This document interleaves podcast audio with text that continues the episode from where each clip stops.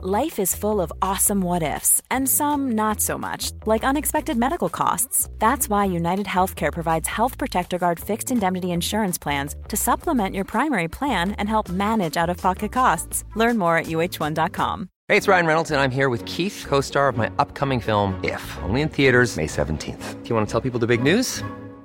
All right, I'll do it. Sign up now and you'll get unlimited for $15 a month in six months of Paramount Plus Essential Plan on us. Mintmobile.com slash switch. Upfront payment of $45 equivalent to $15 per month. Unlimited over 40 gigabytes per month. Face lower speeds. Videos at 480p. Active Mint customers by 531.24 get six months of Paramount Plus Essential Plan. Auto renews after six months. Offer ends May 31st, 2024. Separate Paramount Plus registration required. Terms and conditions apply if rated PG.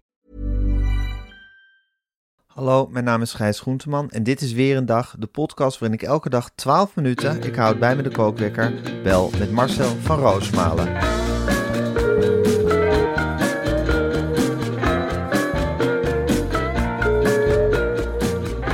Goedemorgen Marcel. Goedemorgen, Gijs. Ik, eh, ik heb, ja, eigenlijk was jij dit weekend, dit stormachtige weekend, was jij mijn grootste verzetje. Jij stuurde op een zeker met een foto van jezelf in de Efteling. En ik zeg het je eerlijk, ik zeg het niet, maar ik heb daar een kwartaal lang echt ongelooflijk plezier om gehad. Ik stond bij een soort, ja, wat was het? Nou, een stapel pannenkoeken. Oh, dat was een stapel pannenkoeken. Ja. Ik herkende het niet eens meer vanwege dat regengordijn wat ervoor. Ja. Nou vind ik het nog grappiger. Ik heb drie dagen in noodweer door de Efteling gelopen. Ik ben, ik was helemaal kapot. Ik heb er vannacht niet, ik was zo moe dat ik vannacht de hele nacht niet geslapen heb. Hey, maar hoe, hoe oud zijn jouw kinderen? Even de oudste, of de jongste twee hebben we het nu over. De jongste twee die mee waren zijn 11 en 12. Hoe was hun ervaring? Want ze hebben natuurlijk zin om met het hele gezin naar We die gaan Efteling elk te jaar, we gaan elk jaar met ze naar de Efteling drie dagen. Dus, dus, dus dat is voor hun gewoon een soort traditie die niet gebroken mag worden. En ja, ze vinden dat fantastisch. En ik vind het in principe ook heel leuk hoor. Ik ben echt helemaal gek op de Efteling. En ik zie mijn kinderen heel graag genieten. Maar drie dagen lang in de storm en de regen door de Efteling joggen is, is gewoon echt heel vermoeiend. Dus het was, het was heel uitputtend voor me. Maar ik ben blij dat ik je er zo mee, eh, zo'n plezier mee heb gedaan. Oké, dan ga ik nu de kookwekker eh, zetten. Eh, ik druk op start. Ben jij wel eens in de Efteling geweest, Marcel? Ehm, jazeker, nog niet zo lang geleden voor het laatst. Eh, wij maken er wel eh, de gewoonte van om bij mooi weer naar de Efteling te gaan. Eh, dat maakt het voor mij het staan in de rijen, die er altijd zijn, toch wel draaglijker. Nou, toen wij er voor het laatst waren, was het hartje corona. Ik heb de helft van de tijd toen achter plastic zeilen doorgebracht. En me kapot zitten ergeren aan al die half lege attracties. Waardoor je alsnog, het was niet een drukke dag, uren in de rij stond. Omdat de helft van de karretjes leeg werd gelaten. En een of Voor andere- corona. voor corona Ja. iemand met een plantenspuit er water overheen zat te spuiten. Eh, ik ben altijd de eerste zes uur heel enthousiast en daarna ben ik echt... Stort het in. En we hebben toen in zo'n hotel geslapen. Ah, ik was echt geradbraakt Ja. eh, daarna. Er is bijna niks vermoeienders dan een paar dagen in de Efteling doorbrengen. Het is leuk en het is fantastisch. En je biedt je kinderen een ervaring, maar Jezus Christus, je wordt er wel echt moe van, hè? Ja, en ik ga op het laatst ga ik ook, weet je, wat ze willen. Ik, ik wil er alle wensen in. Ik, Ja. ik kan niet meer. Poffertjes, prima, poffertjes. Dan ga ik daar wel in de rij. Zuurstokken. zuurstokken. Ze hadden op het laatst al, alle twee zo'n toverstaf. Weet je wel, dat ze, die moest je dan tegen mensen, tegen mij dus aanslaan. En dan ging die branden. Nou, ha, ha, ha. Dus eh, de laatste half uur krijg je nog allemaal tikken op je kop van je eigen kinderen.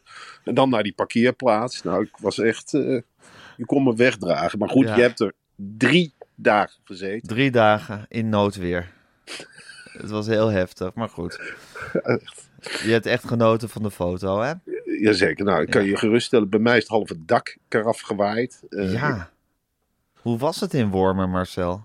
Stormachtig. Zoals te verwachten, want eh, ja, het waait hier harder dan op andere plekken. Nou, Ja. op- Op zondagmiddag, we hadden de eerste storm overleefd. En op zondagmiddag was er weer een storm om onduidelijke redenen. Nou, toen heeft het halve dak eraf gewaaid. Maar ja, ik zat bij eh, Studio Voetbal om een column te maken. Ehm, ja, ik zeg elke keer, ja luister meisje, ik kan er nou van een afstand niks aan doen. Ik zal de verzekering bellen. Nou, ik belde Bert van Vulpen Makelaars. Heel bijzonder bedrijf. Ehm, je moet de schade meteen melden, maar dat kan niet, want er werken in het weekend geen schadeopnemers. Er werken alleen maar makelaars om nog meer huizen te verkopen. Die werken wel door in het weekend, de schadeopnemers niet. Dus ik zal morgenochtend of. Waarom zeg ik toch altijd morgenochtend? Ja, omdat, je- omdat het zo vroeg is dat je, dat je gewoon nog helemaal niet door hebt dat de nieuwe dag, de brand new day, is aangebroken. Ja, het irriteert me omdat je dat, dat wordt dan weer opgemerkt. Terwijl je wel, godverdorie, 's morgens om kwart eh, voor zes eh, zit te bellen. Precies. Dus dat irriteert Dat me. is het oneerlijke daarvan. Tuurlijk is dat oneerlijk. Dus jij Ja, gaat goed. zo meteen met die makelaars bellen. Dakgoot schade te melden. Ja, om die schade te melden. Dus, ja.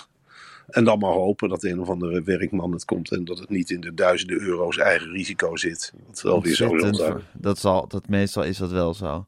En was er paniek bij jou thuis? Nee, gelatenheid. Eh, de boom was ook al omgewaaid vrijdag. De boom in onze achtertuin. Echt Dus ja, waar? Ja, die is eh, doormidden gebroken. Dat lijkt me best nog wel een emotioneel momentje.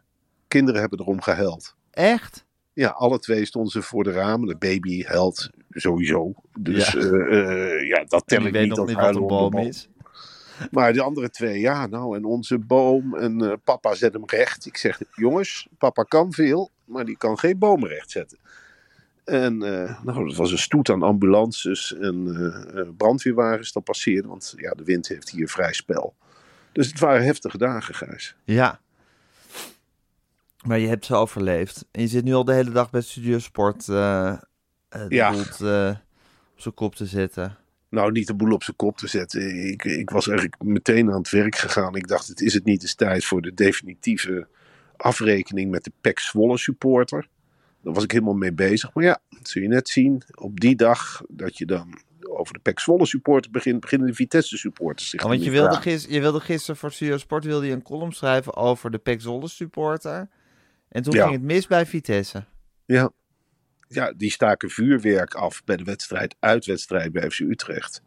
Vuurwerk op het veld gegooid. Nou ja, in de jaren 80 en 90 kraaide er geen haan naar. Maar in deze tijd eh Mag dat Ja, allemaal staat- niet meer. staat Je mag niet eens meer een rotje af, af, afsteken. En dan zit je bij die NOS en dan staan er gelijk drie bij je bureau. Van eh, ja, dan moet je wel één lijn trekken. En eh, dan kun je de PEC Zwolle supporter op uiterlijk veroordelen tot ChristenUnie-aanhanger. Maar dan kijk ik naar Vitesse en daar zie ik een stel randebielen. Zo werd het tegen me gezegd. Ik zeg nou oké. Meen je eh, niet? ja, dus ik heb een paar zinnen Vitesse eh, eraan toegevoegd. En eh, nou ja, goed. Wat is dat voor een organisatie eigenlijk, die NOS? Heb je het daar naar je zin? nou, ik ben niet in vaste dienst. Het is een Nee, organisatie maar je die zit het, er wel elke zondag. Je zit hebt er wel gisteren ook weer de hele dag gezeten. Ja, het is, ja, het is een hele stroperige organisatie met aardige mensen. En er zitten Ja. wat krenten in de pap. En laat ik het zo zeggen, als je in de pap zit, kun je het beste in de buurt van een paar krenten zitten. En eh, Dus dat je zit gaat ik die dan pap wel. in, elke Ik ga die- zondag. Ik ga die pap in, ik laat de pasjes zien aan een of andere papfiguur. Ik ga de trap op. Nou, dan zitten er allemaal mensen in hokjes. En eh, niet storen, niet storen, niet storen. Nou, dan kom je in een zaal en daar zitten er 17 gebiologeerd naar de sluitingsceremonie van de Olympische Winterspelen te kijken. En als je dan zegt hallo, dan. En dan nou, zoek je een eigen plekje op anderhalve meter afstand. Coronaregels gelden hier tot in de treuren. Dus Echt, moet- hè? Dat Ja. gaan ze nooit meer afschaffen daar. En dan, ja, dan, kom je, dan heb je een paar aardige mensen die werken dan bij Studio Voetbal. Die komen dan even een praatje maken. En dan ga je maar hard aan het werk. En ik ben daar eigenlijk een eenling in de pap. Dus ik zwem daar Op een zoek beetje naar de krentjes. Nou, Op zoek naar de krentjes. En ik, ik loop de hele tijd op en neer met mondkap op naar het koffiezetapparaat. En eh, neem wat slokken. SMS wat naar huis. Ben nog druk bezig. Wordt vanavond laat. Hoe is het met het dak? Oh ja. Hou ze stil. Geef ze En eten. En heb je, nou eigenlijk, heb je nou eigenlijk het idee dat ze echt heel veel verstand hebben van voetbal bij dat, eh, bij dat studiosport? Echt meer, meer dan wij, zeg maar. Nou, Sjoerd van Ramshorst natuurlijk wel. Dat is een presentator, die weet echt alles van voetbal. Maar de rest, Gijs, dat zeg ik jou eerlijk, dat, eh, al die voetbalverslaggevers, wij weten er net zoveel vanaf. Ja, het is hè? een beetje, dat idee ja, heb ik ook wel eens een beetje. Ze lullen ook maar wat in de ruimte. Maar goed, dat zeg je natuurlijk niet in het openbaar. Als je ze tegenkomt, knik je wat en dan zeg je dingen als eh, mooi verslag. En eh, Lekker hoe de winterspelen in beeld zijn gebracht. Dat soort dingen hoor ik mezelf ook zeggen. Genoten hoor van het schaatsen. En dan loop je weer door. Dan stiefel je weer naar je eigen werkplekje. hey Marcel, ik kreeg op een gegeven moment een totaal opgewonden appje van je. Je zat naar Talita Muse te kijken online op het jaar 21-congres. Nou ja, ik, Ik kon... Wat was dat? nou, ik ben een paar maanden geleden uitgenodigd voor het jaar 21 Woke Festival. En ze hadden een aantal columnisten en opiniemakers uitgenodigd om in ruil voor 2500 euro daar aan te zitten. In hun Woke Festival. En ik dacht, ja, ik heb daar wel over getwijfeld. Ik dacht, ik doe veel voor geld. Maar dit gaat me dan toch ook wel ver. En ik was gewoon benieuwd welke Wat het nou was? wat het nou was. En welke columnisten nou gehoord die eigenlijk te koop zijn voor geld. Nou, dat Ja. was Zinny Usdiel. Die oud GroenLinkser, weet je wel. Die hield daar voor een... Nou ja, het was in de Rode Hoed. Er zat een soort uitgehongerd gezelschap van ja 21 aanhangers. En die waren precies wat je van ze verwacht. Grijs en mompelend en mopperig en anti-woke. Dat straalde ze uit tot in hun vezels. En een Ja. jongen in een recht pak, een soort zoon van Joost Eerdmans. Je zou kunnen zeggen Joosje Eerdmans. Die liep daar rond met een microfoon. En die begon de bijeenkomst met aan iedereen te vragen van... Hoe voel je je? Nou, oh, het is niet zo'n tijd om je helemaal goed te voelen natuurlijk. Fijn dat jaar 21 er was. Nou, dat vroeg hij aan tien mensen. De laatste aan wie dit vroeg was een man die een beetje in de war was. Nou, toen werd er overgegaan naar de sprekers. En het was werkelijk het saaiste bijeenkomst die ik ooit heb gezien. Eerst een kwartier lange toespraak van Zinny Usdeel. Die vertelde hè, dat hij vroeger zijn opa, die had niet eens een tandarts. Moet je je voorstellen, eh, Gijs. eh, Oost-Turkije. Niemand had meer tanden in de mond. Er was geen geld voor een tandarts. Er was geen contact met de zorg. En die heeft zich natuurlijk opgewerkt. Dat vertelde hij. Eind van het verhaal ben ik even kwijt. En daarna kwam Andreas Kinnigin. Ken je die nog? Ja, zeker. Nou, Dat is die- bodybuilder, toch? Die Ja. professor is. Ja, professor in Leiden en die Ja. had twee brillen bij zich. De ene bril had hij op. En toen vertelde hij al, terwijl hij die bril afzette... ik ga ongeveer hetzelfde vertellen als Zinny. Alleen dan in wat formelere bewoordingen. Nou, toen zette hij die bril af. Die legde hij op het katheter, zette hij zijn leesbril op. En toen begon hij me toch aan een verhaal. Ik denk, god allemachtig zeg. Ik, volgde, ik kon er echt niks meer van volgen. De zaal, ja, 21 aanhallers. Had het ongelooflijk zwaar. Na Andreas Kinniging kwam die jongen in dat pak weer naar voren. Die zei van, Mini Joost Eerdmans. ja, Joosje Eerdmans. Die kwam naar voren. Ja, dus niet de echte Joost Eerdmans, maar hè, Mini die Joost Eerdmans. Ja. mini Joost Eerdmans. Die zei nou even pauze. En na de pauze kwam een debat. En daar zat aan, ik dacht, ah, die is er dus ook ingetrapt. Talita Muse. Talita Muse. Dat was de enige vreemde eend in de bijt die dus gezwicht was. Ik Voor wist het geld. dat ze voor het 2500 euro deed, maar zij deed net alsof ze het voor het debat was. Ze zat er voor het openbare debat, zo bracht ze het. Maar ja, goed, ze mocht En? wel uitpraten, maar eigenlijk in die hele zaal was er helemaal niemand die haar argumenten Een serieus hele nam. keiharde anti-woke stemming was daar natuurlijk. Ja, ze klapte zaal. wel, want het was natuurlijk leuk dat er ook een vreemde eend in de bijt zat. Dat rechtvaardigde eigenlijk die bijeenkomst. En Lale Gul zat er ook nog.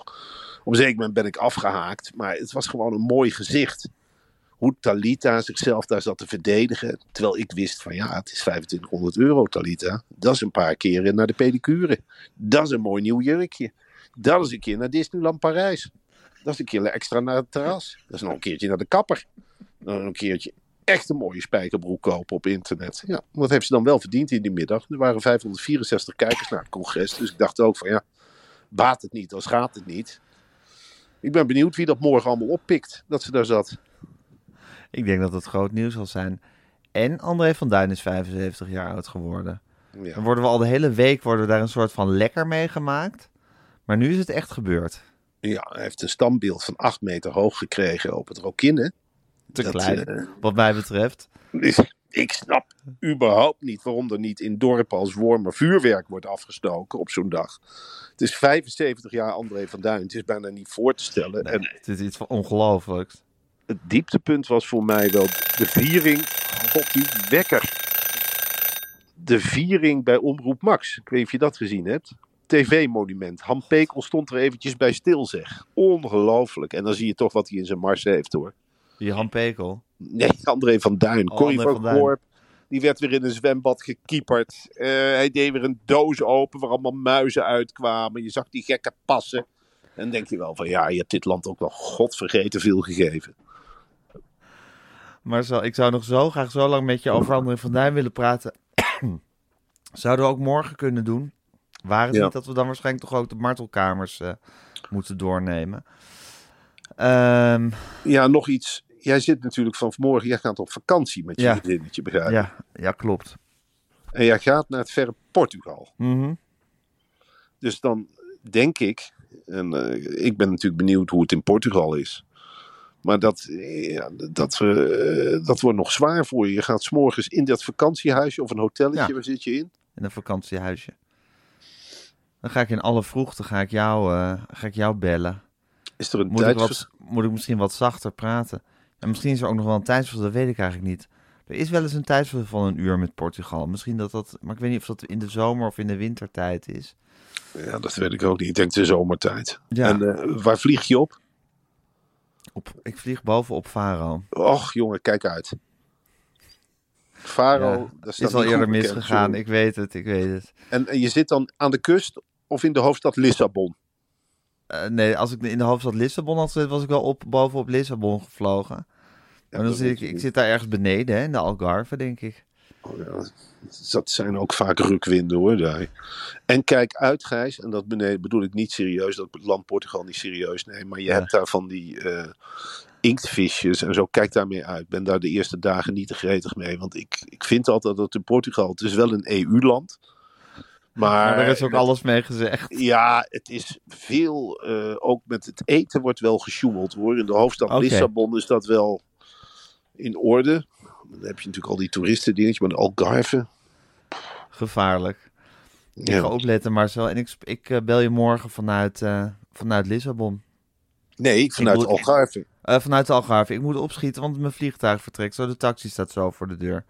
We vliegen heel vroeg.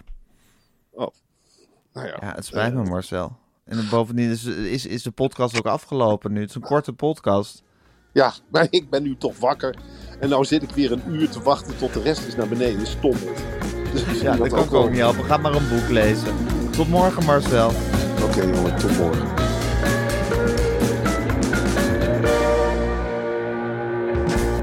Dit was een podcast van Meer van Dit. Wil je adverteren in deze podcast? Stuur dan een mailtje naar info.meervandit.nl